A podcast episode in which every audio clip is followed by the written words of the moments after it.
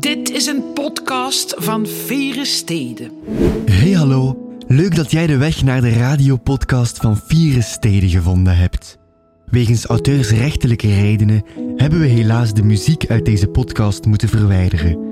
De volledige uitzendingen kunt u steeds op zaterdag tussen 10 en 11 uur live op Urgent FM beluisteren of achteraf via onze website. Meer informatie over Vieren Steden vind je op Facebook en Instagram. Veel luisterplezier. Mee mane vlieger, mee sane steert, agodomuge. Vieren Steden. Vieren Steden. Live op Urgent FM. Met Jonas en Bert. Zaterdagochtend een hele goede morgen. Vandaag duiken we de Gentse oppositie in en dat doen we met gemeenteraadslid Anneleen van Boszuid. Urgent.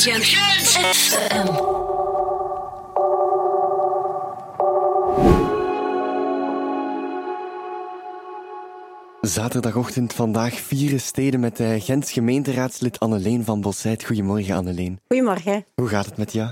Alles prima met de zon, dus uh, dat kan niet beter. Klopt. Je bent gemeenteraadslid voor NVA Gent. Ben je een vier gemeenteraadslid? Ik ben absoluut een vier gemeenteraadslid, maar ik ben in de eerste plaats vier Gentenaar, denk ik. Dus, en waarom?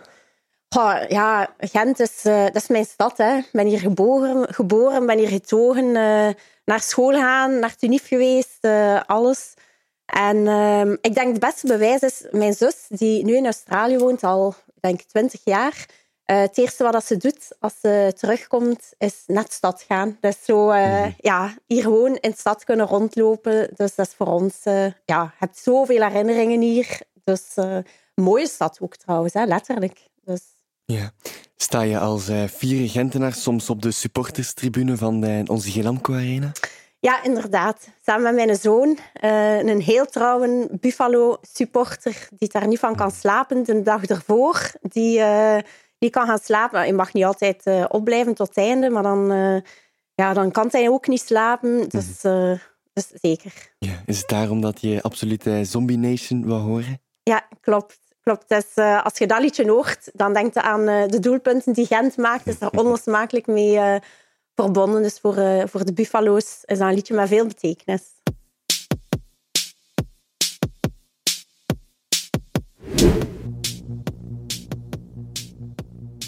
Bent uh, juriste van opleiding, maar toch in de politiek verzeild geraakt. Uh, hoe komt het? Klopt.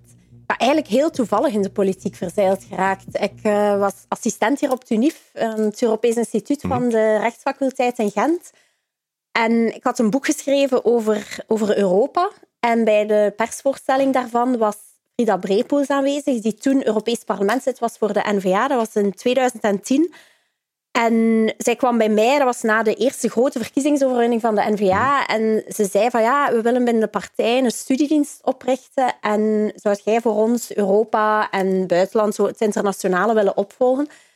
En ik was toen zwanger van, uh, van mijn dochter, van Jasmijn. Um, ik, ik, was zes jaar als assistent al actief. Um, dus doctoreren en lesgeven, combinatie. Maar ik had voor mijzelf al uitgemaakt dat ik niet op de universiteit wou blijven. Maar wat ik daarna ging doen, uh, dat was nog niet uitgemaakt. Maar Frida Brepoels deed mij dat voorstellen. Ik had zoiets van, oh, ja, eigenlijk, uh, ja, dat is wel interessant. Dus wel in Brussel gaan werken natuurlijk, uh, elke dag met twee kleine kindjes. Niet evident. Maar ja, ik wou die uitdaging aangaan. Ik ben dan begonnen op de studiedienst. Um, en ik heb het me eigenlijk nooit, nooit beklaagd, in tegendeel zelfs. Ja, uh, je zit nu in de NVA. Moet je, ja. om in de studiedienst te werken, al een partijkaart hebben? Of mag je daar... In principe niet. Maar ja, je gaat natuurlijk niet voor een partij gaan werken. Ook zelfs niet op de studiedienst. Als je een verhaal waar dat ze voor staan, als je dat niet genegen bent natuurlijk. Ja. Hè. Maar we gingen vragen waarom ben je bij de NVA terechtgekomen. Maar dat heb je eigenlijk al beantwoord. Ja, voor een stukje wel beantwoord, maar anderzijds, het is wel altijd een partij geweest um, waar ik in geloofde. Een partij die voor iets staat, een partij die durft zeggen waar dat op staat, maar ook met, met oplossingen komt. Een, eh, een gemeenschapspartij ook, uh, heel belangrijk voor mij. Eh, een partij die niemand, uh, niemand wil, wil achterlaten. Um, en ook nog principes heeft en ook nog voor iets, voor iets staat. En, en dat is voor mij belangrijk, ook in mijn persoonlijk leven. Ik heb ook bepaalde principes, bepaalde waarden en normen. Probeer dat ook aan de kinderen mee te geven. En dat heeft de partij ook. Ehm, dus ondanks het feit dat politiek, hè, in politiek heb je veel windhanen en, uh, en zo. En mensen zeggen soms uh, omdat het voor hun goed uitkomt. En bij ons in de partij heb ik dat, heb ik dat gevoel absoluut niet. Dus uh, dat spreekt mij sowieso aan. Ja, het, het begon allemaal in Europa. Waar komt jouw fascinatie voor Europa vandaan? Oh, waar komt mijn fascinatie voor Europa vandaan? Is, uh, vooral het, het internationale heeft mij altijd aangetrokken. Ook in mijn rechtenstudies heb ik heel bewust voor, voor het internationale. Het publiekrechtelijke heeft mij altijd in het algemeen mhm. aangesproken. Zowel uh, nationaal publiekrechtelijk als, als internationaal. Uh, misschien een beetje uit... ja, die goed is misschien veel gezegd, maar mijn papa was advocaat. Dus ik wist sowieso, als ik rechten deed, dat wil ik niet uh, doen. Ik ben daar veel te emotioneel voor. Uh, ik zou mij dat veel te veel persoonlijk ook aantrekken, maar zo publiekrecht sprak mij, sprak mij altijd aan. Uh, ik herinner mij nog in het eerste jaar rechten hadden wij les van Johan van der Lanotte, die mm ja, politicus uh, toen nog actief en ook prof. En dat was zo een buisvak, het vak dat hij uh, gaf. En dat was mijn lievelingsvak. dus ik deed dat absoluut, ik deed dat super graag. Dat ging over de Belgische staatsstructuur en dit en dat. Dus iedereen vond dat verschrikkelijk. Ik vond dat een fantastisch vak. Um, dus, en, en, en zo is mijn, mijn, mijn, mijn liefde voor, voor Europa er dan ook gekomen. Um, het is een heel mooi uh, project, hè, met verschillende lidstaten samenwerken, uh, verschillende talen. Um, ja, dus dat fascineerde mij wel. Ja, en dan ging je van Europa naar, eh, naar de Kamer. Veel politici doen het omgekeerd. Hoe komt dat? Het is eigenlijk ja, eh, de juiste plaats, het juiste moment, denk ik. Mhm. Eh, dat was in 2014, dus ik had op de studiedienst vier jaar Europa en het internationale beleid voor de partij mee uitgestippeld, achter de schermen. Heel blij dat ik eerst mhm. achter de schermen de politiek heb kunnen leren kennen, want hoort soms van mensen die, die verkozen geraken en dan hup, onmiddellijk zo in dat parlement. Ik denk dat dat onvoorstelbaar moeilijk moet zijn. Dus ik heb de kans gehad, we waren toen ook nog klein als partij, om, om in de partij mee te groeien en alles achter de schermen te leren kennen. En um, ja, ik had zoiets in 2014 van ja, ik heb nu vier jaar achter de schermen gewerkt. Ik heb nu eigenlijk wel zin. Ja, je bereidt dan onder andere ook speechen en, en debatten voor, voor politici, onder andere ook voor, uh, voor Bart de Wever. En ik had zoiets van, ik heb nu eigenlijk wel zin om dat zelf uh, te doen en zelf voor de schermen te gaan. En ja, gelet op mijn achtergrond was het meest logisch om op de Europese lijst uh, te staan. En dan uh, was ik kandidaat op de Europese lijst. En dan ja, op die manier, na de verkiezingen in het Europees Parlement, terechtgekomen. Een fantastische, fantastische ervaring. Ja. Ja. Was het dan hetgeen wat je verwacht had? Je zei van, ik heb het eerst achter de schermen gezien, dan heb je bepaalde verwachtingen, denk ik. En als je het dan effectief doet als politicus, wel, wat dat je zegt, je hebt bepaalde verwachtingen. Dat ga je misschien verbazen, maar ik heb dat eigenlijk nooit. Ik heb niet zo een bepaald doel van ooit wil ik dit of hm. ooit wil ik dat. Ik wil vooral wat ik doe, wil ik, wil ik goed doen. Hm. En dan zie ik wel wat, dat er, wat dat er komt. Want ik vrees dat als je, als je in je leven zoiets hebt van ooit wil ik dit of ooit wil ik dat, en stel dat dat niet komt, dan kun je alleen maar verbitterd zijn. Dus ik heb zoiets van, ja, waar dat ik zit, dat wil ik goed doen. Ik zeg ook trouwens altijd, it's not a job, it's an experience. Ik ervaar dat niet als een job. Voor mij is dat een ervaring. Ik leer elke dag bij. Uh, ik kan mezelf elke dag ontplooien. Ik leer uh, verschillende mensen kennen. Um, dus, dus dat zijn allemaal ervaringen die, die ja, uniek zijn. Hè? Dus uh, ik ervaar mijzelf heel gelukkig dat ik dit mag, mag doen en, en die ervaringen mag beleven. Ja. En hoe komt iemand dan in de Gentse lokale politiek terecht? Dat is ook weer een samenloop van omstandigheden geweest. Ik zat dan in het Europees Parlement en uh, ik denk dat dat geen geheim was dat er hier uh, in Gent binnen de afdeling uh, liep het allemaal niet zo, niet zo heel vlot. Mm En de verkiezingen kwamen eraan in 2018, de gemeenteraadsverkiezingen. En als partij ja, ga je dan een beetje gaan kijken van ja, hoe kunnen we de problemen die er zijn, hoe kunnen we die oplossen? Um, en ja, dan werd er aan mij gevraagd van maar ja, zou jij dat zien zitten om, om de lijst te trekken in Gent? Ik moet nu wel mhm. zeggen, ik zat daar in het Europees Parlement. We waren op negen maanden voor de verkiezingen, wat dat heel kort is, een zwangerschap. Hè? Uh, dus, dus ja, eventjes getwijfeld, ja, ook, ook uw gezins, met je gezinsleven en zo. Maar uh, dan de knoop doorgehakt en uh, heel blij ook dat ik het, uh, dat ik het gedaan heb. Want het is, het is iets compleet anders dan, dan het Europese waar, dat ik toen, waar dat ik toen in zat. Het is heel lokaal. Uh, maar dat maakt ook dat je bij alles iets heel concreet kan voorstellen en dat je ook veel sneller dan op Europees of op ander niveau de, de resultaten ziet van wat dat je doet. En dat maakt het wel, uh, wel heel boeiend ook. Ja, ik ging vragen wat het verschil is, maar je hebt het al een beetje gezegd. Je beantwoordt de vragen voor ze gesteld uh, worden. Is dat het grote verschil? Dat je, dat je hier echt heel concreet en dat het in Europa een beetje verder van het bed is? Dat is een verschil, maar een tweede verschil is dat je ook veel dichter bij de mensen staat. Um, zeker um, op, op Europees niveau. Ze zeggen Europa is een ver van mijn bedshow voor veel mensen en dat is ook zo. Uh, maar zelfs als, als parlement zit je, bent, uh, je zit daar op een eilandje eigenlijk. Um, veel media-aandacht is er niet voor wat er in het Europees Parlement gebeurt. Onterecht trouwens, onterecht. Ik probeer dat nu ook in de Kamer uh, te zeggen. Het is heel belangrijk om te volgen wat er in Europa gebeurt. Waarom? Omdat daarna... In Europa wordt het kader gemaakt en daarna komt dat mhm. nationaal. Dus eigenlijk 80%, weinig mensen weten dat, maar 80% van onze nationale wetgeving vindt daar oorsprong in wat er in Europa gebeurt. Dus daaraan zie je hoe belangrijk mhm. dat dat niveau is. Maar het is heel ver af.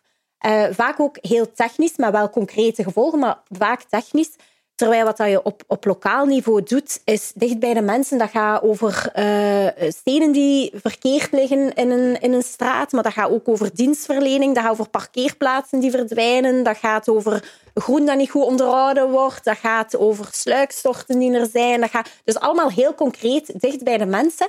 En op dat vlak denk ik dat ik het voor mijzelf een beetje heb onderschat wat de impact is op je persoonlijk leven ook, van de keer dat je lokaal aan politiek gaat doen. Mm-hmm. Omdat het Europees Parlement, ja, dus je blijft zo'n beetje meer anoniem. Hè. Mensen zien u wel op tv af en toe, maar bon, dat blijft nog ver af. Terwijl een keer dat je lokaal actief bent uh, en gaat naar de supermarkt of je loopt hier rond, of ja, herkennen mensen jou, mensen spreken u aan. En dat maakt het heel boeiend.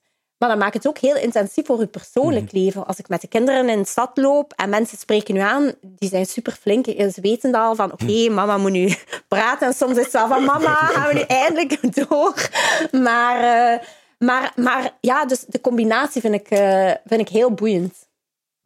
Word je, word je vaak aangesproken als uh, politicus hier in Gent? Ja, toch wel. En, en ik vind dat leuk. Ik vind dat interessant om... en dat gaat over de meest kleine dingen, uh, heel persoonlijke dingen soms ook, die, die mensen uh, meemaken of, ervaren.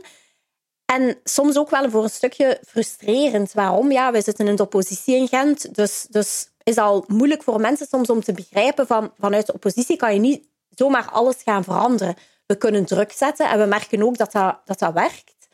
Um, maar uh, het, is, het, is, het is heel persoonlijk en ik sta er ook op om ook mensen die uh, ons mails sturen. Ik lees al mijn mails zelf, omdat ik wil weten wat, dat er, wat dat er mhm. gebeurt, uh, wat leeft er, waar zijn de mensen mee bezig. Um, maar, maar heel concreet en, en, en fijn om te doen, maar het heeft natuurlijk die, die impact natuurlijk ook. Hè. Ja, je zei het net, uh, net zelf, je zit zowel in de Kamer als hier in Gent, zetel je in de oppositie. Is in de oppositie zetelen meer dan gewoon nee zeggen tegen alles wat de meerderheid voorstelt? Ja, absoluut. Um, ze zeggen soms uh, the task of the opposition is to oppose. Mm Dat is ook zo. Hè. Je, moet, uh, je moet kritisch zijn voor, voor de meerderheid. Maar ik wil niet kritisch zijn om kritisch te zijn zonder een alternatief. Want het is altijd heel makkelijk hè, om van, uh, van aan de zijkant te staan roepen en te zeggen wat er allemaal fout loopt.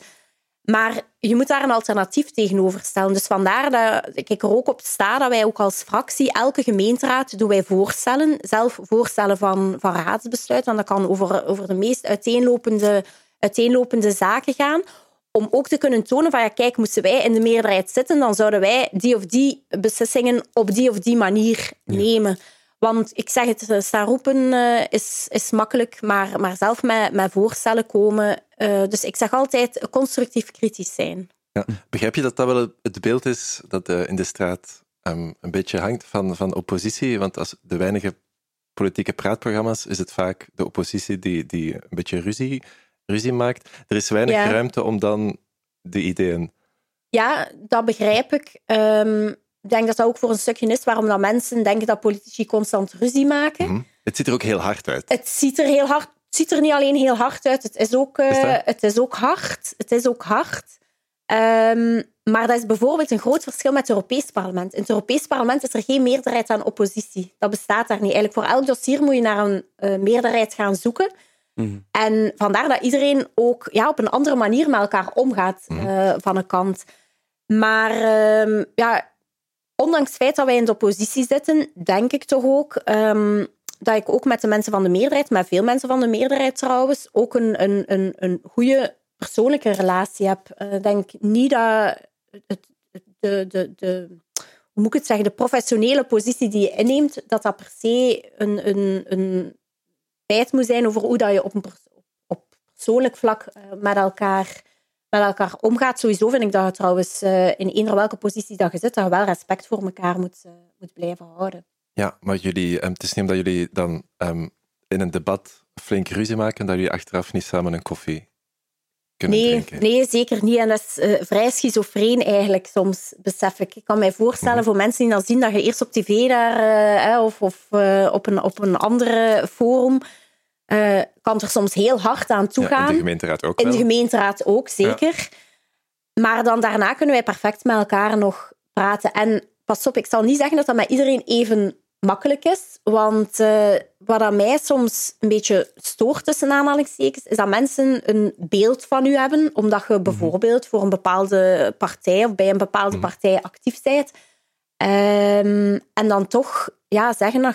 En, en op basis daarvan denken dat ze u ook persoonlijk kennen. Terwijl, bijvoorbeeld, om een heel concreet voorbeeld te geven, uh, mijn mama die heeft altijd in de sociale sector uh, gewerkt, in pleegzorg, um, ehm, 40 jaar lang. Uh, gezinnen begeleid enzovoort. Um, en ja, zij, zij durft niet zeggen waar dat ik werkte, want in de sociale sector, de NVA, hè, dat is een beetje ja, de partij van, ja, die zeer hard is en weet ik veel ja, tot als ik natuurlijk in Gent opkwam, ja, dan wordt het wel, ja, dan komt dat niet anders meer. En toen waren er mensen die zeiden aan mama van, ja, maar zo is zij toch niet opgevoed? En dan mama ook zei van, zo is ze toch niet opgevoed? Wat denken jullie dat wij maar doen? Of, of... En dat vind ik jammer. Dat vind ik jammer, dat, dat mensen op basis van een stempel, tussen aanhalingstekens, die op u plakt, um, denken dat ze een beeld van u hebben. Dan hebben ze trouwens ook een verkeerd beeld van onze partij. Um, en daar zal de media natuurlijk ook een rol in spelen. Hè. Draait of keert uh, hoe dat je wilt. Zij bepalen ook voor een stukje mee uh, hoe dat mensen zich een beeld vormen. Want ik heb het in de gazet gelezen, dus het zal zo zijn. En, en daar hoop ik dat daar toch ergens meer ay, met een wijdere bril kan gekeken worden naar, naar de persoon. Ik zeg vaak, wij doen aan politiek voor de mensen, maar politiek gebeurt ook door mensen. En dat wordt jammer genoeg al te vaak vergeten, denk ik. Ja, we gaan het zo dadelijk nog meer hebben over politiek in Gent. En we moeten het ook even hebben over de Gentse feesten. Eventjes een heel actueel onderwerp. Je haalt op je Twitter uit naar de nieuwe beslissing van het stadsbestuur om tijdens de Gentse feesten minstens de helft van de vergunde eetstanden te laten voorzien van een volledig vegetarisch aanbod. Het heeft heel veel um, teweeggebracht in Gent, uh, ook bij jou. Waarom? Ja, uh, heel veel commotie daar rond. En ik denk terecht, um, voor mij is dat het uh, perfecte voorbeeld van de nanny state. Hè. Uh, de, de staat die alles gaat regelen. Ze gaan nu zelfs al regelen bijna wat we mogen eten. En dat gaat voor mij echt veel te ver. Gaat dat over dat vegetarische op zich? Absoluut niet. ik eet zelf bijna zo goed als volledig plantaardig, dus daar gaat het hem zeker niet om. Trouwens, je ziet de handelaars zelf al vaak een vegetarisch aanbod hebben. Juist omwille van het feit dat er steeds meer mensen uh, vegetarisch uh, eten, om allerlei uh, redenen. En om dan als stadsbestuur het nodig te moeten vinden om te gaan regelen dat minstens de helft van de standjes volledig, maar echt volledig vegetarisch moet zijn. Sorry, maar dat gaat er gewoon los over. Ik heb zoiets van, laten handelaars dat zelf beslissen. Ik zeg het, je ziet dat ze dat al doen. Um, en voor mij is dat een, voorbeeldje alweer van de groene regelneverij.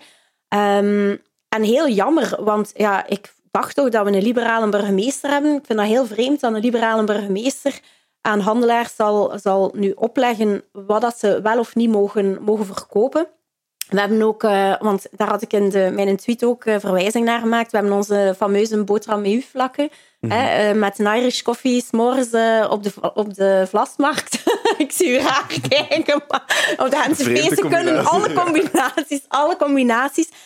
Maar ja, dat is een stukje ja, Gens cultureel erfgoed bijna gaat dat dan ook niet meer mogen. Want ik vraag mij dan af, hoe gaan ze dan de selectie maken hè, van, die, van die kraampjes? Is dat mhm. dan first come, first served? Of uh, hoe, gaat dat, hoe gaat dat gebeuren? Um, ja, heel, heel vreemd. Pure, alles, alles in regeltjes willen gieten en zo'n dingen. Uh, ik vind dat heel vaak roepend. En als je dan de schepen hoort zeggen van ja, ja ik had uh, niet, niet gedacht dat dat voor zoveel beroering ging zorgen. Laat ons vooral genieten van, van goede Gentse feesten dan denk ik soms van, ja, dan staat het toch wel ver af van de realiteit als je niet beseft, als je zo ver gaat, ja, dat de mensen zoiets hebben van, laat ons een keer rust en laat ons een keer doen wat we mm. willen doen. Uh, ja, we moeten wij juist niets. Hè. Dus ja, laat ons feesten, laat ons uh, genieten. En uh, als ik wil dat dat met een hamburger is, of met een spitsburger, of met uw vlakken, of met iets anders, laat mij dat dan potverdorie doen. En denk dat vandaar ehm, ja, de veel commotie daarom. Mm maar het kadert in, eh, in een plan om de Gentse feesten verder te verduurzamen, wat op zich wel een mooi doel is. Zeker, absoluut. Bijvoorbeeld het feit dat ze zeggen van laat ons uh, vooral uh, papieren borden gebruiken in plaats van mhm. plastieke borden. Zeer goed. Uh, laat ons uh, bijvoorbeeld geen rietjes meer aanbieden. zeer goed. Dus dat zijn, dat zijn zeker zaken waar ik mij, mij achter kan scharen. Ik denk dat we alles wat we kunnen doen om, om die klimaatverandering aan te pakken, dat dat belangrijk is, want daar is er een probleem. Maar niet door mensen te gaan bepalen wat dat ze wel of niet nog mogen eten. Om de duur, ja, wat mag er wel nog? Mocht al niet meer met, ja, hier moeten we ook zoveel mogelijk met de fiets doen, uh, niet meer met een auto rijden. Straks mogen we niet meer met het vliegtuig, moeten ons onduur mhm. schuldig voelen. Uh, dat we willen genieten van het leven en ieder vult dat op zijn manier in. Niet iedereen vindt een vegetarische burger uh, het, het, allerbeste, maar uh, geniet van zijn uh, stukje vlees op de barbecue, wat dat dan ook al bijna niet meer mag. Dus ja, het is niet door onze welvaart in te krimpen dat we die klimaatverandering zullen, zullen aanpakken. En zeker niet door te gaan bepalen wat dan mensen wel of niet nog mogen eten. Is dat, is dat niet typisch een beetje politiek, dat het dan al op de spits gedreven wordt? Want, want in C um, gaan er nog altijd heel veel hamburgerkramen zijn. Dus mensen die een hamburger willen eten, gaan nog altijd, denk ik, um, heel veel hamburgers kunnen eten. Zelfs met Irish coffee in, in combinatie, als ze dat willen. Um, ik bedoel, is het niet typisch politiek om, om, daar dan, ja, om dat zo uit te vergroten en, en dat dan zo tegen elkaar... Oh, uit te vergroten. Ik denk, dit is er gewoon zo los over ja, dat, dat, want ja, dat is het nu. En wat gaat de volgende keer zijn? Ik, ik hoorde dat er sprake van was om Hanse Vegetarische Straat uh, te, gaan, uh, te gaan doen. En, en daar heb ik gewoon schrik voor, van waar gaat dat naartoe? En als we dat niet aankaarten, ja, dan weten we niet waar dat eind is. Ik herinner mij bijvoorbeeld um, het uh, fameuze rapport Decolonisering dat hier in, in Gent gemaakt is waar dat er werd gezegd dat er op de boeken van Pippi Langkous een label moest komen, want Pippi Langkous was racist en Pippi Langkous was dit. En dan heb ik zoiets van, ja, als we dat niet aankaarten, zo'n dingen, ja, dan, ja, waar, waar eindigt het dan? Ja. Worden, worden zo'n zaken um, niet eerst besproken, ook met de oppositie, of is dat gewoon een, een, een schepen die solo slim zoiets mag beslissen?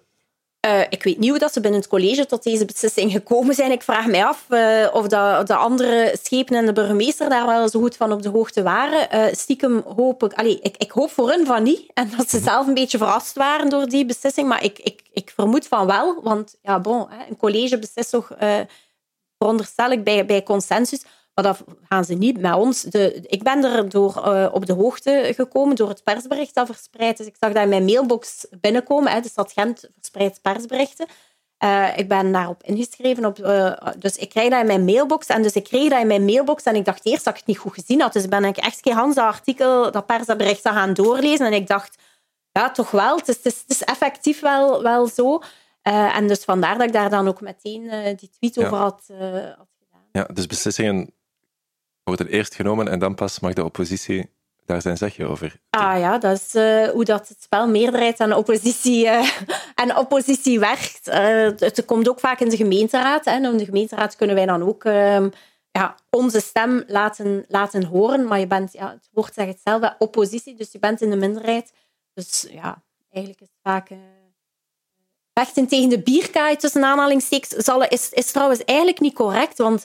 Um, je, je kan wel druk zetten. Dus ik mhm. vraag mij nu af met, met, met dit bijvoorbeeld ook. Uh, het is nu voor een jaar ingevoerd. Het is een test, hè? Het is een test. Uh, en ik hoop dat het bij dat jaar zal blijven, eerlijk gezegd. Mhm. Ja. Uh, je, hebt, je hebt het net al verteld. Jullie ondanks het feit dat jullie in de oppositie zitten, gaan jullie ook zelf voorstellen vaak mm doen. Een van de voorstellen was over de hemelpost. Ja, klopt. Kan je eens vertellen? Uh, ja, dus, dat inhield? Ja, dat is iets klein. Dat is zeker niet iets wereldschokkends, maar ik denk wel iets dat kan bijdragen aan de mensen in hun rouwproces. Mhm. Dus wat was ons voorstel? Ons voorstel was om op uh, de begraafplaatsen uh, van, van de stad Gent, om daar een brievenbus te plaatsen waar kinderen die een, een vriendje dat gestorven is, of een oma of een opa of ouders, Um, dat zij een tekening zouden kunnen maken of een brief zouden kunnen schrijven, een soort afscheidsbrief aan uh, de overledenen die ze kennen. En dat ze die dan in die brievenbus uh, kunnen posten, bij wijze van spreken als hemelpost, zoals dat kindjes soms naar Sinterklaas uh, een brief schrijven. Dat ze dat dan naar die, die overledenen kunnen doen om op die manier te, te helpen in het, in het rouwproces. En daaraan zou kunnen gekoppeld worden dat dan maandelijks bijvoorbeeld Ehm, die brieven naar de hemel uh, gestuurd worden door een of ander ritueel. Dus iets, iets zeer symbolisch, uh, maar iets, een, een, een, klein steentje dat we wouden bijdragen om op die manier te helpen in het, uh, in het rouwproces dat veel mensen doormaken. Dat zou trouwens niet alleen kinderen, ook volwassenen die, die iets zouden willen schrijven aan een overledene, zouden, daar, zouden daar gebruik van kunnen maken. Ja, dat was een voorstel die, die jij gedaan hebt, ja. um, maar dat, was, dat viel ook niet in, in goede aarde. Het viel niet in goede aarde. Te zeggen, uh, het woord hemelpost komt blijkbaar niet uh, voor het stadsbestuur. Het moest een herinneringsbrievenbus uh, worden. Um, bon, ja, kunt je ook vragen bijstellen. Hè. Het woord hemel is blijkbaar niet pluralistisch genoeg, terwijl ik denk dat in elke godsdienst er een hemel bestaat. Het heet dan misschien anders. anders. Uh, we hebben trouwens ook uitdrukkingen. Hè. Je zegt vaak van, ah, kijk, uw oma is nu een sterretje aan de hemel. Of uh, we hebben de uitdrukking, we gaan hemel en aarde bewegen. Ja, mag dat dan ook allemaal niet meer? En dat is voor mij weer zo'n voorbeeld van, van, van die woke die helemaal is, is doorgeslaan. Waarbij dat, ja, om duur kan er, kan er niks meer. En uh, ik ben er eerlijk gezegd vrij, vrij allergisch aan. als dan het woord hemelpost. Ik had dat trouwens aan de kindjes, want ik had dan gemerkt vlak voor die gemeenteraad dat er van, uh, vanuit de meerderheid ging voorgesteld worden om dat herinneringsbrievenbus uh, te noemen, al een vrij lang woord trouwens. En ik, ik zat aan tafel bij de kindjes en ik vroeg hen, zeg kindjes, als er een herinneringsbrievenbus komt, wat stellen jullie zich daarbij voor? En ze zeiden, goh, mama, ja, ja eigenlijk, eigenlijk geen idee. Ik zeg ja, en hemelpost. En dan zeiden ze, ah ja, dat is misschien voor als er iemand Ja, voilà, maar ja, dat, dat is het. Dat is het juist. Um, en ik vind dat jammer dat dat dan allemaal op die manier uh, moet, uh, moet gebeuren. Ja, en als daar dan over gediscussieerd wordt, kan je dan met argumenten afkomen? Of is dat echt ideologie tegen ideologie en stopt het daar? Dit is natuurlijk niet iets waar dat je echt wetenschappelijke zaken... Dat, dat is van, waar, waar trek je de grens? Hoe ver, hoe ver ga je in dat... Ja, voor mij is dat die pure woke. Hè. Hoe, ver, hoe ver ga je daarin in dat politiek correct zijn, tussen aanhalingstekens. Het woord allochtoon, dat mocht dan ook niet meer gebruikt worden. Dan was dat mensen van, ik weet niet meer welke andere termen en woorden dat er om de duur allemaal voor gebruikt worden, die het alleen maar zwaarder maken. En, en, en uh, blank mag ook niet meer, je moet nu wit zeggen. En uh, ja, dan denk ik van, laat ons, laat ons toch hier allemaal terug normaal doen uh, soms. En het, het niet, niet zo beladen, want daardoor maak je zaken juist veel beladener, denk ik. Mhm. het, uh, het, gaat nu om twee uh, Gentse voorstellen uh, in de Gentse gemeenteraad. Hoe is het om oppositie te voeren in Gent? Niet altijd, niet altijd makkelijk. Um, ik, ik, pas op, het hangt ervan af. ik heb zoiets, ik, ik vind debat fantastisch, ik vind dat heel goed, maar ik vind het wel belangrijk dat dat met respect blijft gevoerd worden. En mhm. als daar dan zaken gezegd worden Allah, ah ja, het komt weer van, van jullie uh, en dat je bijna voor racist uitgemaakt wordt of weet ik veel wat, dat, daar kan ik mij totaal, allee, daar kan ik me echt aan ergeren, omdat ik weet dat dat absoluut niet zo is.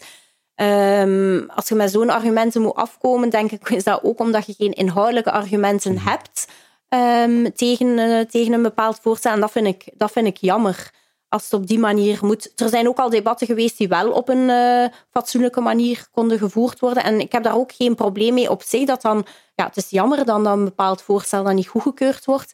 Maar als dat op een, op een respectvolle manier uh, kan, op basis van een, een degelijk debat, dan vind ik dat fantastisch. Uh, maar um, het is natuurlijk, denk ik, niet de, de droom van een politicus om, om in de oppositie te zitten, maar wel om in de meerderheid effectief zaken te kunnen veranderen. Daar moet je niet flauw over doen, natuurlijk. Hè. Ja. En stel dat de NVA vandaag de Gentse burgemeester zou mogen leveren, wat zouden jullie meteen veranderen? Goh, ja, nu overvalde mij. Wat zouden wij meteen veranderen? Ik denk, wat dat we meteen in, in hoeverre dat je meteen kunt doen natuurlijk zouden veranderen, is ehm, als ik er één beleidsdomein moet, moet uitkiezen, denk ik, is dat rond uh, het mobiliteitsbeleid. Uh, meer uitgaan van de vrije keuze van, van de Gentenaar. Uh, ik denk dat we iedereen moeten aansporen om meer de fiets te gebruiken, om meer het openbaar vervoer te gebruiken. Maar ons uitgangspunt is dat je mensen daartoe moet verleiden om dat te doen en mensen niet gaan verplichten en voor voldongen feiten stellen. En dat is, vind ik, jammer genoeg een beetje wat er hier in het stadsbestuur wel veel te veel gebeurt. Mensen verplichten uh, op allerlei vlakken. Hè. Uh, op vlak van mobiliteit, maar we hebben het daar juist over het vlees gehad. Het is net, het, uh, net hetzelfde. Dus laat mensen, ga uit van de, van de vrije keuze van mensen, dat mensen die keuze voor zichzelf kunnen maken. Maar je kan je wel ergens gaan nudgen, hè, zoals dat ze dat mhm. met een moeilijk woord zeggen. Zorg uh, zorg ervoor dat er bijvoorbeeld meer deelfietsen zijn. Zorg bijvoorbeeld iets waar wij al heel lang voor pleiten, dat er zo'n app slim naar Gent komt, waar dat mensen zelf kunnen zien van ah, ik wil van punt A naar punt B. Ik hoef dat helemaal niet volledig met mijn auto af te leggen. Mhm. Ik kan een stuk met de fiets of uh, met de tram of met de bus uh, afleggen. Ik zal er misschien zelfs sneller zijn, maar daarvoor um, hoef je helemaal geen parkeerplaatsen constant af te nemen. Um, fietsrekken gaan zetten op plaatsen waar mensen er niet om vragen, maar daardoor ook weer dan parkeerplaatsen gaan afnemen. Het, het, beleid, het mobiliteitsbeleid is veel te veel gericht op, op de, de actieve Gentenaar die, die uh, op fiets- of wandelafstand van zijn, uh, van zijn werk woont. Maar dat is jammer genoeg, dat is niet de realiteit natuurlijk. Hè. En, en, en dus, dus denk, als we iets onmiddellijk, dan denk ik dat dat dat dat het zou zijn. Oké, maar Gent is natuurlijk meer dan mobiliteit. Zeker. Um, als je dan breder kijkt, zijn er ook, kan, kan iemand van de oppositie ook pluimen geven of pluimpjes geven aan Zeker. De meerderheid? Zeker. Uh, die volgens jullie... Wij hebben, ja, wij hebben dat trouwens ook gedaan. Uh, vlak voor uh, de kerstvakantie hebben wij een kerstrapport opgemaakt, waar dat we, nou, want we waren half de legislatuur, en legislatuur duurt zes jaar. Dus we waren de halve legislatuur, dus wij, hè, de kinderen kregen een rapport. Dus wij dachten, we gaan het stadsbestuur ook een rapport geven. En daar hebben wij de punten opgestomd waar dat wij vinden dat het anders zou moeten. Maar wij hebben daar ook elke keer, bij elk uh, domein, hebben wij ook uh, positieve punten gegeven. Ik denk bijvoorbeeld de aanpak van de, de knalpotterreur.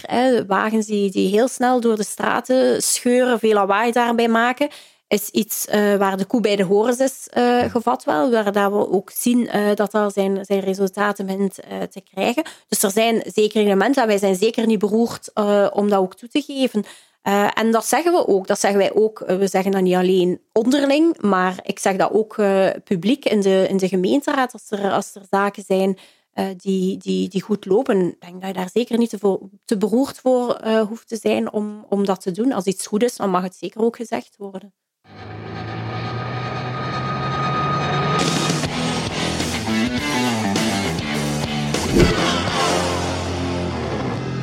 Bij ons nog steeds Anneleen van Bossuit. Anneleen, je bent uh, heel actief in Europa. Wat uh, vinden jouw Europese vrienden van ons pittoreske Gent?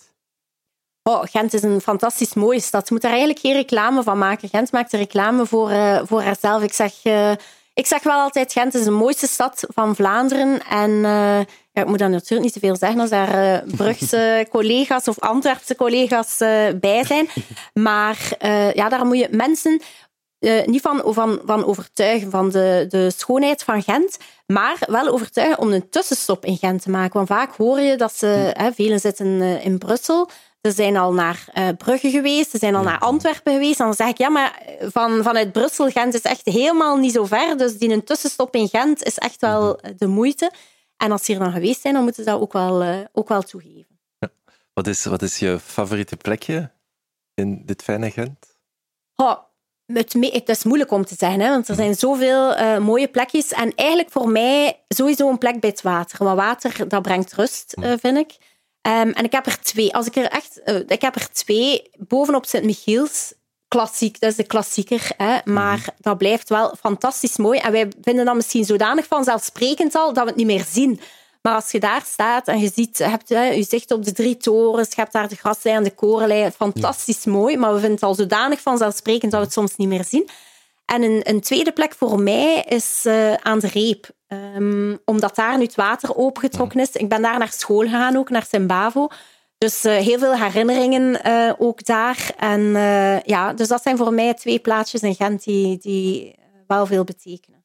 Ja, Gent kent ook mindere kanten. Wat zou jij graag in onze vergeetput steken?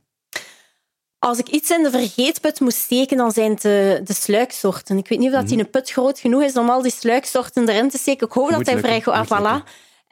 Um, ik, ik vind dat...